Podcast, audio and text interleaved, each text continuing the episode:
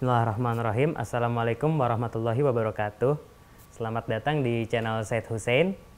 Um, kali ini kita akan ngebahas tentang pilar-pilar kehidupan. Jadi gimana sih Said Hussein pilar-pilar kehidupan itu apa aja? Bismillahirrahmanirrahim. Wassalatu wassalamu ala rasulillah wa ala alihi wa sahbihi wa panwala. Ya Alhamdulillah akhirnya kita bisa bikin video untuk berbagi share tentang kehidupan, tafsir dan lain sebagainya. Ada ungkapan indah, kita mau bahas pada kesempatan kali ini ada ungkapan indah bahwa sesungguhnya kehidupan itu seperti pasar. Ada orang datang ke pasar, dia berdagang. Di pagi hari dan ke, kemudian di sore harinya dia pulang, ada yang wajahnya berseri-seri karena senang dan ada pula yang wajahnya murung. Murung. Kenapa? Karena yang wajahnya berseri-seri pasti dia mendapat keuntungan dapat jackpot, dapat bonus dan yeah. lain iya. sebagainya. Tapi yang wajahnya murung dia mendapat kerugian. Nah, kehidupan ini diartikan sebagai sebuah pasar. Kapan meraih keuntung dan ruginya? Nanti ketika dia sampai di alam selanjutnya, di alam akhirat. Oh. Nah, sekarang bagaimana kita mau meraih hal-hal yang indah, meraih hal-hal yang untung dan sukses? Kita awali pertama kita akan bangun kita punya fungsi, kita punya konsep tentang pilar kehidupan dan kita akan kita bangun pilar kehidupan ini di atasnya dengan keyakinan kita, amal perbuatan kita dan pemikiran kita segalanya. Yang pertama adalah aku yakin bahwa amalku tidak akan dikerjakan oleh orang lain. Karenanya aku mengerjakan secara serius dan bersungguh-sungguh. Bahwa di dalam kehidupan ini tidak ada semua hal-hal yang relax, hal-hal yang free. Semuanya dituntut untuk mengerjakannya. Hmm. Ada ayatnya Bismillahirrahmanirrahim di surat An-Najm ayat 39 sampai 41.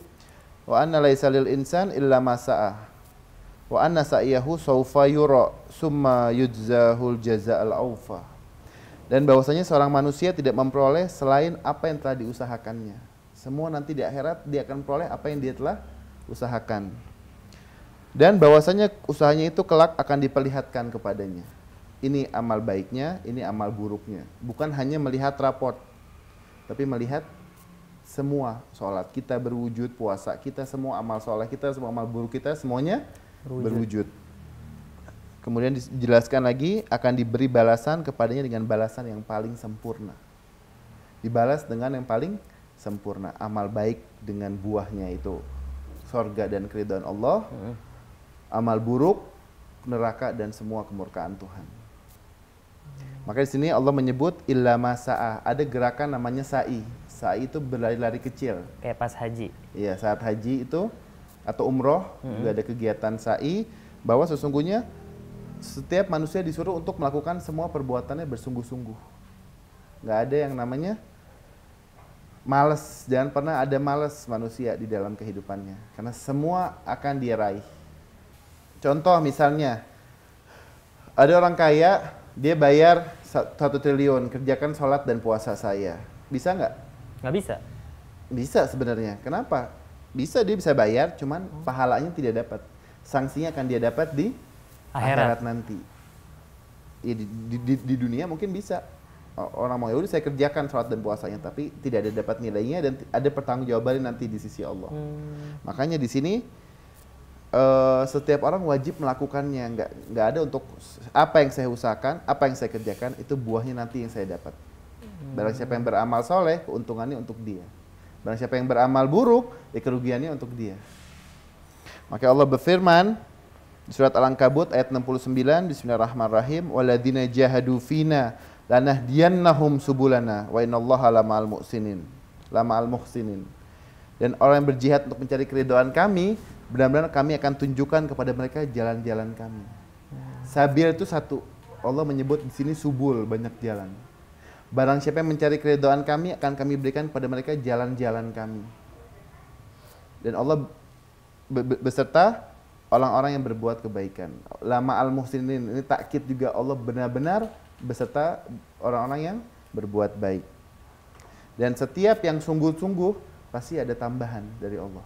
Kita sudah berjalan menuju Tuhan, banyak tangan-tangan Tuhan yang akan membantu kita. Hmm. Kita lihat peristiwa Ashabul Kahfi di surat Al-Kahfi ayat 13. Bismillahirrahmanirrahim. Nahnu nakussu alaika naba'ahum bil haq. Kami ceritakan kepada engkau wahai Rasulullah berita yang benar. Apa? Innahum fityatun amanu birabbihim wa zidnahum huda. Sesungguhnya mereka adalah pemuda-pemuda yang beriman kepada Tuhan mereka. Dan wazidnahum huda, kami tambah kepada mereka petunjuk. Setiap yang berusaha, setiap yang bergegas, setiap yang melakukan amal soleh akan ditambah oleh Allah petunjuk. Jadi nggak kita tidak bisa beranggapan bahwa kita semua diserahkan kepada Allah dan Allahnya itu nonton atau nganggur. Hmm. Allahnya tidak duduk. Ketika kita bergegas melakukan amal soleh, Allah membantu kita, Allah memberikan hidayah, petunjuk. Itu yang harus kita harus kita sadari. Setiap kita mau mengerjakan amal soleh, itu ada gerakan. Mintalah kepada Allah untuk memberikan selalu taufik dan hidayah untuk kita selalu mengerjakan amal soleh. Hmm.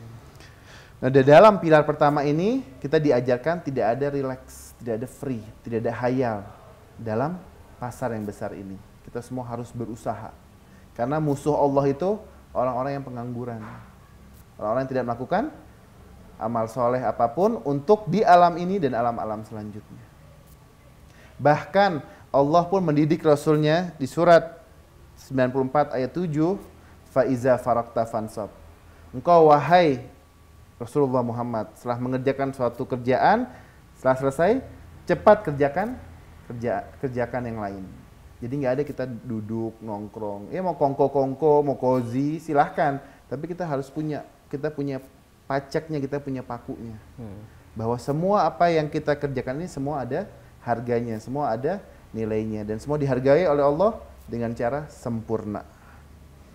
Dan dan andaikan semua manusia mengamalkan pilar ini nggak ada orang yang bangga dengan penganggurannya. Hmm. karena dia tahu semua yang saya kerjakan semua kembali kepada saya.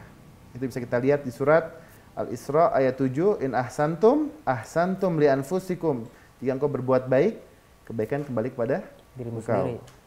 Wa in asatum falaha dan jika engkau berbuat keburukan keburukan kembali kepada engkau maka ini pilar kehidupan ini yang diajari oleh Rasulullah, kemudian para sahabatnya dan keluarganya dan para nabi semuanya benar-benar yang akan selalu up to date sampai hari kiamat.